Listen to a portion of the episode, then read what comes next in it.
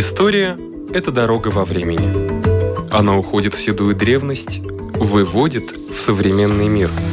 Она показывает, рассказывает, объясняет. И не перестает удивлять. Живая история.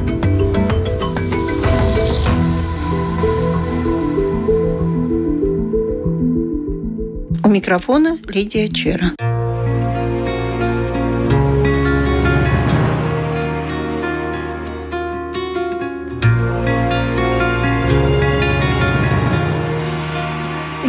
Разные маршруты для людей с разными интересами. Есть сложные туристические, есть велосипедные, есть на плотах и лодках, можно вдоль моря, а можно и по лесу. Кто что желает увидеть или получить удовольствие. А есть те, кого интересует история. История войн на нашей территории и материальные свидетельства, оставленные в результате военных действий. Для этого разговора я пригласила представителя Ассоциации сельского туризма Лауку Целиота из Юриса Смолинскиса. Есть у вас такие маршруты военные и каких объектов они касаются? Да, мы действительно разработали много маршрутов по Эстонии и Латвии, то есть двумя балтийскими странами. И не только маршруты, но у нас есть тоже собранная информация о многих сотен разных объектов э, милитарного наследия во времени, которое касается 20-го столетия. Оно касается не только войн, потому что милитарное наследие связано тоже с процессом приготовления к э, разным войнам, то есть и в мирное время есть такие ситуации, когда мы обороняемся, например, вдоль э, нашего Курземского побережья есть так называемые побережные батареи, которые охраняли наше побережье. Там были установлены разного вида оружия, да, стреляющие. И если мы посмотрим в целом э, на историю Латвии и Балтийских стран, мы находимся как бы на таком перекрестке и истории, разных событий. И это милитарное наследие у нас очень богато. И если особенно мы вернемся в начале прошлого столетия, когда была Первая мировая война, мы знаем, что наша главная река, то есть Даугава, являлась э, линией фронтом Первой мировой войны в Балтийских странах, которая держалась более двух лет. И mm-hmm. вот впоследствии этого на этой границе фронта между Ригой и границей Литвы в сторону Даугавпилса сохранилось очень-очень богатое милитарное наследие. Может, такое новшество у нас, которое только что сделано в рамках нашего проекта недалеко от Риги, но это фактически в границах города Риги, Мангайсала, это Северная Рига, правый берег Даугавы. А, находится такая территория между э, Рижским заливом, Даугавой и Царниковой, которые тоже в разные исторические времена использовались для целей милитарных. И наши коллеги из Рижского региона планирования, помощь ими создали аудиогид, который вас может провести по этой ну, довольно большой лесистой территории – где тоже сохранилось очень много объектов разного прошлого, даже позапрошлого столетия. И если у вас есть мобильный телефон с подключением интернета, вы можете прогулять за полдень или даже, может, целый день всю эту территорию и слушать э, рассказы об этой территории и событиях, которые там произошли. Мангальсала – это там, где мол, когда люди очень часто посещают мол, и проходят по дороге, и справа там вот такие военные какие-то бункеры. Вот это вы имеете в виду, да? Да, вот именно эта территория, начиная с э, этим молом, который на устье э, Даугавы находится, и еще дальше 5, 6, 7 километров в сторону Саукраст. Довольно большая территория. Mm-hmm. И вот как раз э, этих бункеров, которые вы упомянули, и не только, там есть очень интересные тоже затонувшие наполовину корабли, которые видны из пляжа. Но из этих э, всех объектов можете прослушать информацию на специальном аудиогиде, если на поиске интернета запишите Мангайсала милиtārais mantojums. тогда быстро найдете. Аудиогид – это вообще замечательная вещь, потому что тебе не надо тогда искать никаких других источников информации. То есть он тебя ведет, на самом деле это очень хорошо. Аудиогид. Да, совершенно согласен. А вот этот маршрут разработан именно так, что можно проехать на машине или на велосипеде. Есть какой-то маршрут по Латвии? И какие объекты он как бы соединяет или находится поблизости? Да, у нас тоже на нашем сайте, если тоже написать э, в интернете «Милитарайс манtojums», вы найдете сайт, и там есть э, множество маршрутов практически по всех регионах э, Латвии. Но в основном, конечно, это Курзами, поскольку Курзами являлась в прошлом столетии территории границы железного занавеса.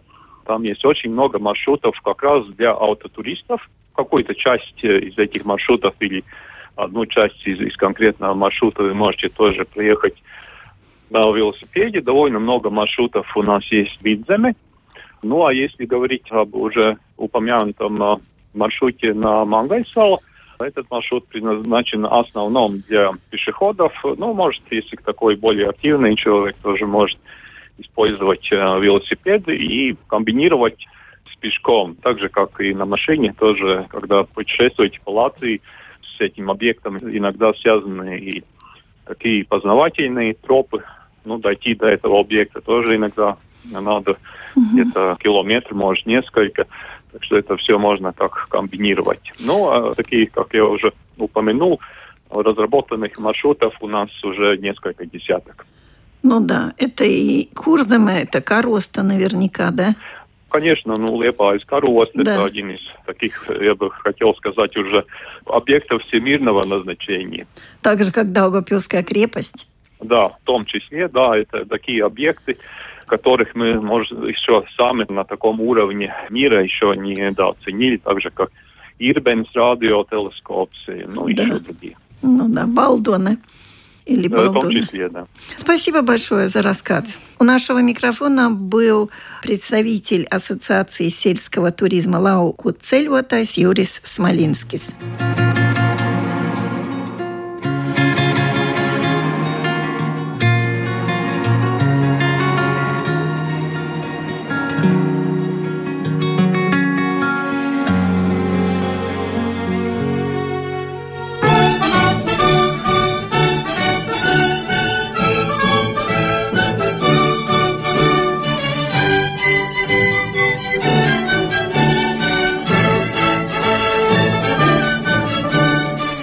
Гостях старший специалист музея Яна Розенталя и Рудольфа Блауманиса Майя Лаймита. И разговор пойдет о Рудольфе Блауманисе. К сожалению, Майя не говорит по-русски, поэтому мы послушаем интервью по-латышски, а затем уже краткий перевод на русский язык. И начну, наверное, я. О Рудольфе Блауманисе. Он родился 1 января 1863 года то есть, получается, в этом году ему 160 лет уже исполнилось. Умер, к сожалению, всего прожив 45 лет.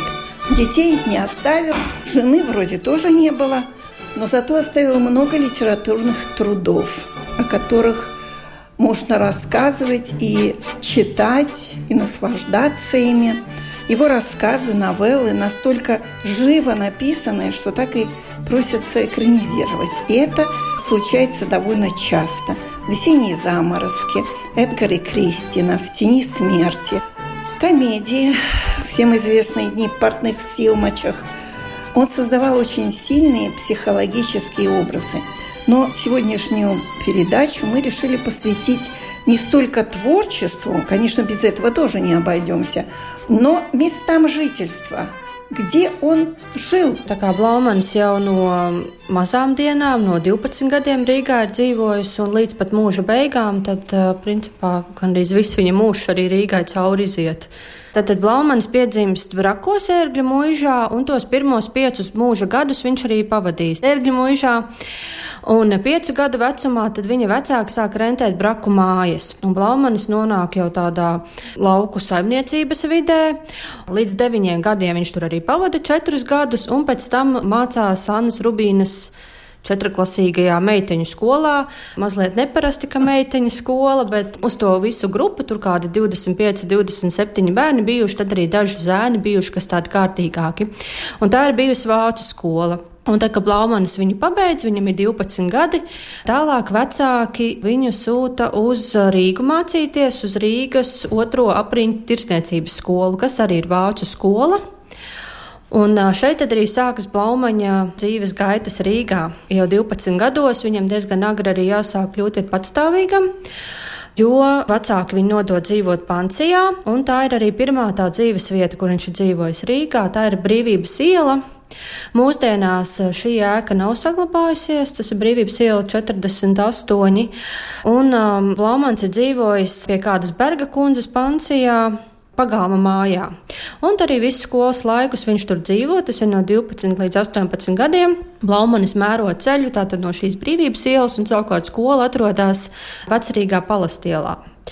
Pancijā gan šie dzīves apstākļi nesot īpaši labi bijuši, bet tajā laikā vēl tikai topošais rakstnieks nav neko vecākiem īpaši sūdzējies. Viņš ir ļoti patstāvīgs, mēģinājis būt, ir pasniedzis privātu stundas un nav teicis, ka tur tā varbūt nevienmēr tas uzturs, ko dod, ir pietiekams un citādi šie dzīves apstākļi.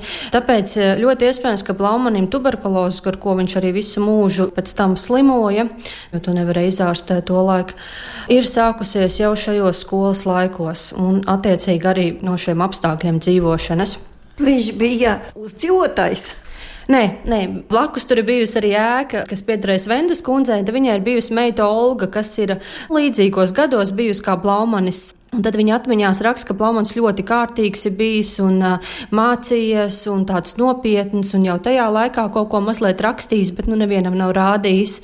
Un tad pat tāds nu, mazliet jau komisks atgadījums, kad šī Olga ir nākusi no slidotavas, un tad Blaumanis viņai tā kā norādījis, ka viņai varbūt mazliet mazāk vajadzētu nodoties tādām fiziskām nodarbēm un vairāk jā, palasīt kādu grāmatu. Un tad vēl arī par taupību viņa norāda, ka viņa reizēm jokodamies viņam esot nesusi šīs sēru vēstis no laikrakstiem, jo tur ir bijusi otra puse balta, un tad viņš to papīru izmantojas pierakstiem. Tā kā jau no mazotnes tāds. Nu, jā, jā. Tā kā lauku cilvēks vienmēr ir taupīgs. Jā, ļoti jā, taupīgs Balmans to noteikti var attiecināt. Nu, protams, arī vecāki jau no laukiem kaut ko viņam atveda, tur gan par medu ir minēts un tādas lietas, bet tā pilnīgi savas eh, dzīvesveidu Balmanim nekad nav bijusi. Vienmēr tās ir īres vietas, un eh, tā, ka viņš pabeidz šo skolu 18 gadi, viņam ir, viņš uzsāk pirmo darbu, kas ir arī vecerīgā, tepat šķūņa ielā bijis, iespējams, ka viņš arī tur ir dzīvojis.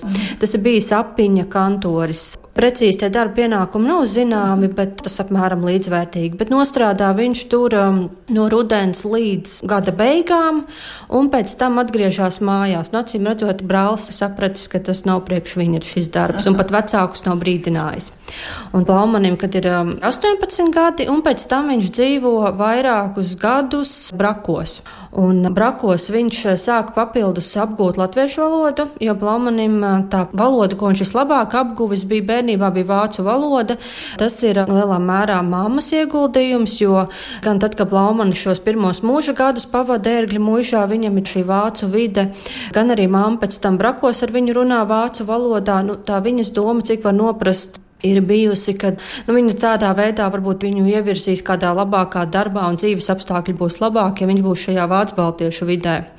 Plāmans, protams, latviešu valoda arī ir pratis, bet tad, kad viņš atbrauc uz šiem brakiem, viņam ir apmēram 20 gadi, tad viņš padziļinātāk tieši to literāro latviešu valodu sāk apgūt. Arī ir klausījies, teiksim, brakos bija šie kalpu puiši un meitas, un tad uh, viņu izteikumus un šādas lietas, ko viņš arī vēlāk savos darbos ietver, jo Plāmans ļoti daudz ko no savas dzīves dzīves ir ietvēris un dzirdēto tieši darbos. Nu, kā tam. jau parasti, nu, kā tas smelties, ka no savas dzīves. Jā, jā. Blāmans ir eh, arī minējis par to, ka ne jau tikai par ko raksta, bet arī kā raksta ir svarīgi. Līdz ar to šis saturs arī parādās. Arī tie tēli daudz ir kā prototipi izmantoti gan kalpa puiši un meitas no brakiem, gan radinieki ir bijuši, kas ir vēlāk jau kā prototipi Blāmaņa dzīvē. Bijuši pat savu tēvu, veco Matīsu Blāmani, viņš ir kā veco dāldu dāvasēnā, kā prototips. Nu viens mm. piemērs. Bet Jā. interesanti, viņš bija nopietns, tāds taupīgs, bet kā no viņa nāca tādas komēdijas?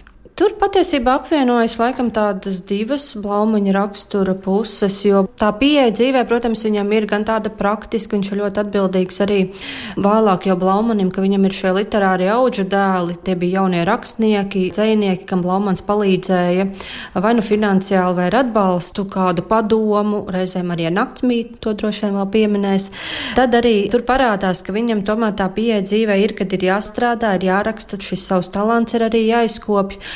Un savukārt par to sabiedrisko pusi ļoti bieži laika biedra raksta un drauga atmiņās, ka Blaumanis ka viņam ir ļoti laba šī humora izjūta bijusi. Viņš ir labprāt arī gan jokojies, gan dažādas satīras rakstījis un pats izgudrojis par notikumiem.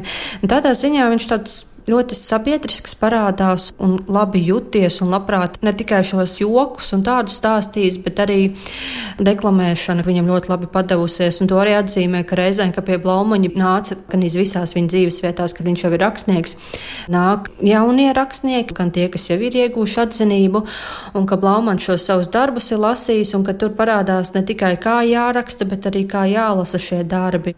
Tāda aktieru māksla, jā. Viņa... Jā, arī aktieru māksla Balamanim parādās. Viņš labprāt ir veidojis tādus iestudējumus, amatieru lūgas. Protams, ir uz Rīgas Latviešu teātra skatuves, ir viņa darbi iestudēti, bet arī viņš pats ir ērgļos veidojis tādus amatieru iestudējumus un reizēm piedalījies. Gan kā režisors ir arī atmiņas pat par grimmēšanu, kā viņš aktierus grimmējis, un arī pats, ka tēlojas, un ka viņš arī, piemēram, ir ļoti labprāt iejuties Ābrama tēlā skrotardienās Silmačos, tādi komiskāki tēli. Līdz ar to kaut kas jā no aktieru mazliet arī viņam tāds.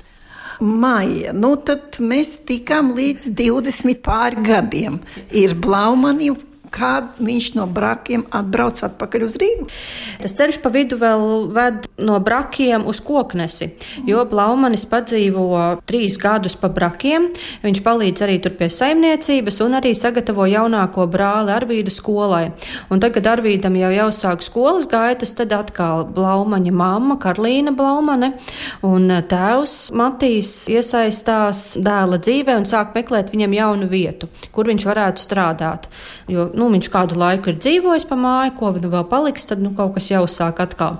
Un viņi atrod kokneses muižā skrīvera vietu, un šeit atkal ir jāmin šī māmas ievirs par to, ka viņa grib Rudolfu Plaumanu virzīt uz tādu labāku vietu, lai viņam labāki dzīves apstākļi, tāpēc viņi nolēmusi, ka šajā kokneses muižā viņam būtu iespēja arī mācīties par muišu pārvaldnieku.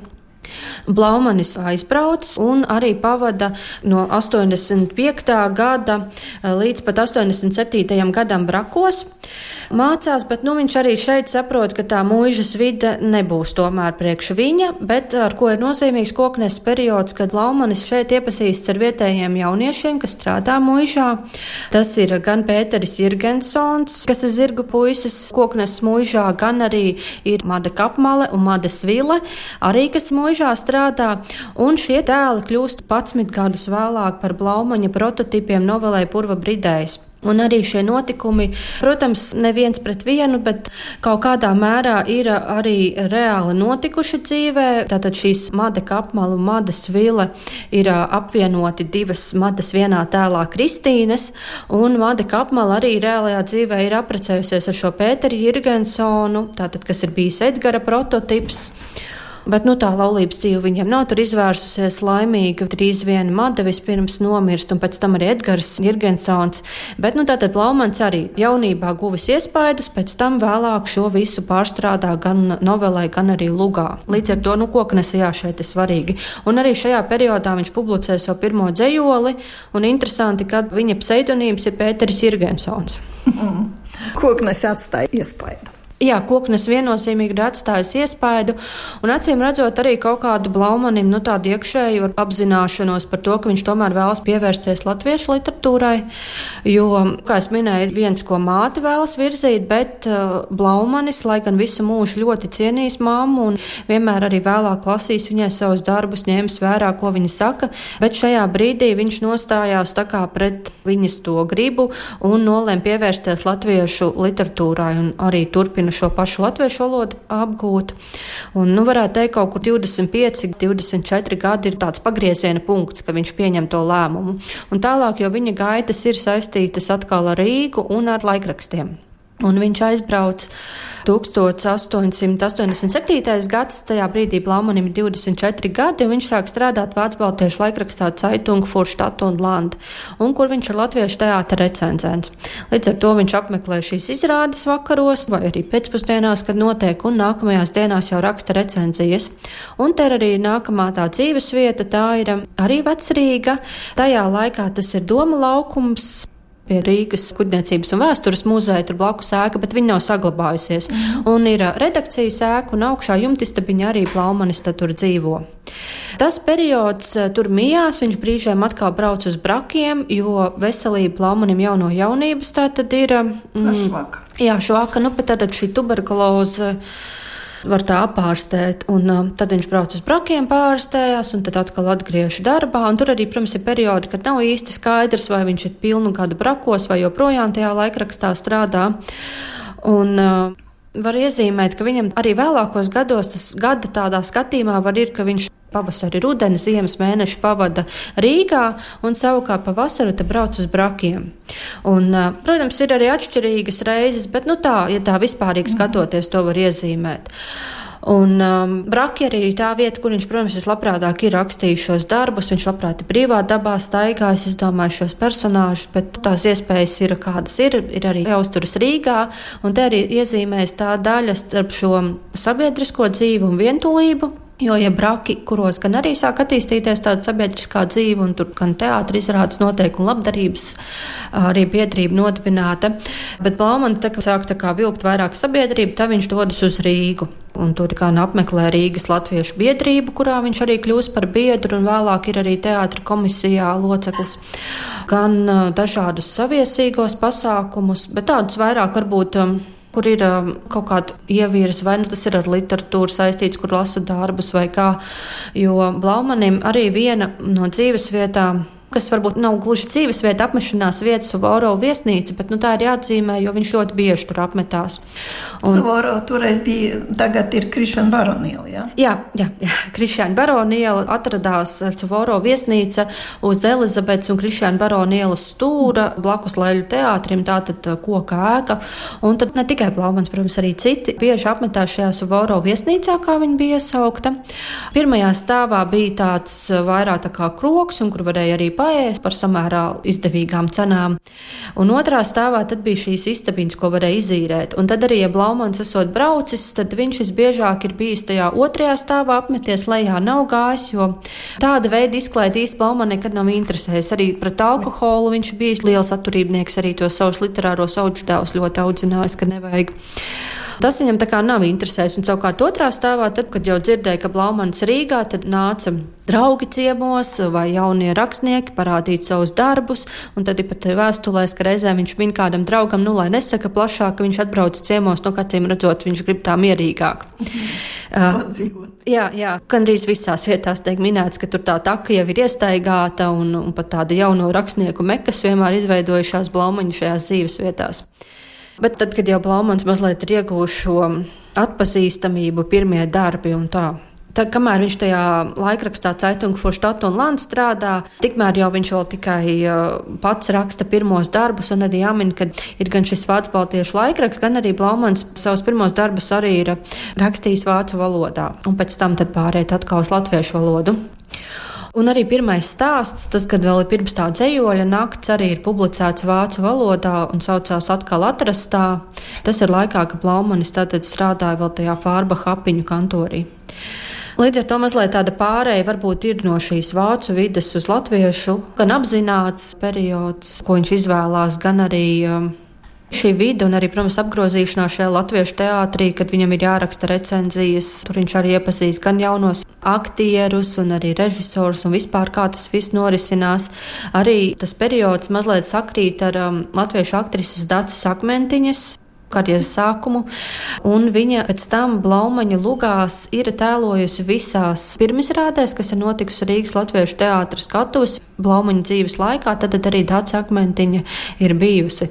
Nu, līdz ar to mazliet tas sasaucās šīs žurnālista gaitas ar vēlāko jau kā rakstnieka darbu, un arī Blaumans ir jokojis, nu, ka var lugas rakstīt tikai tad, kad uh, ir izsādēts vismaz vienas bikses teātrī. Tātad Blaumanis uh, noslēdz arī gaitas šajā laikrakstā Vācbaltiešu, kad viņam ir 31 uh, gads. Tas ir 1894. gads, tātad šo laiku Blaumanis ir strādājis laikrakstā, ir jau iznākusi arī viņa Lūga pirmā Zagļi 1890. gadā, pēc tam jau seko nākamās lūgas, gan ļaunais gars, un 1893. gadā ir arī uz Rīgas Latviešu teātras skatuves uzvests pazudušais dēls.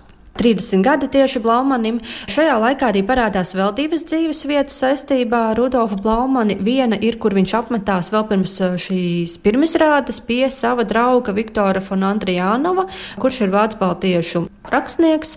Nu, viņi ir iepazinušies arī šajā Vācu baltiešu laikrakstā, un Blaumanis ar viņu kļūst tādos tuvos draugos, tad arī viņš apmetās apmēram nepilnu mēnesi pie Andrijānova ģimenes, viņa sievas un četriem bērniem Dzirnavu ielā 59.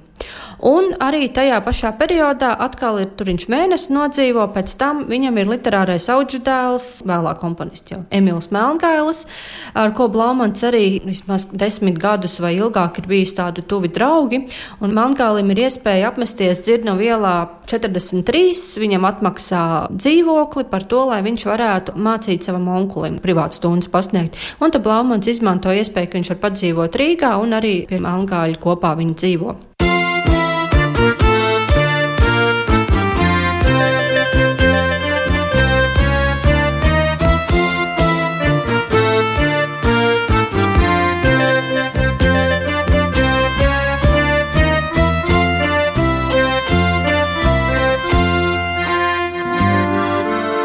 12 лет и до самого конца жизнь Рудольфа Блауманиса была связана с Ригой. Родился он в браках, учился в немецкой школе для девочек. А в 12 лет он уже жил в пансионате на улице Бривибас у госпожи Берги.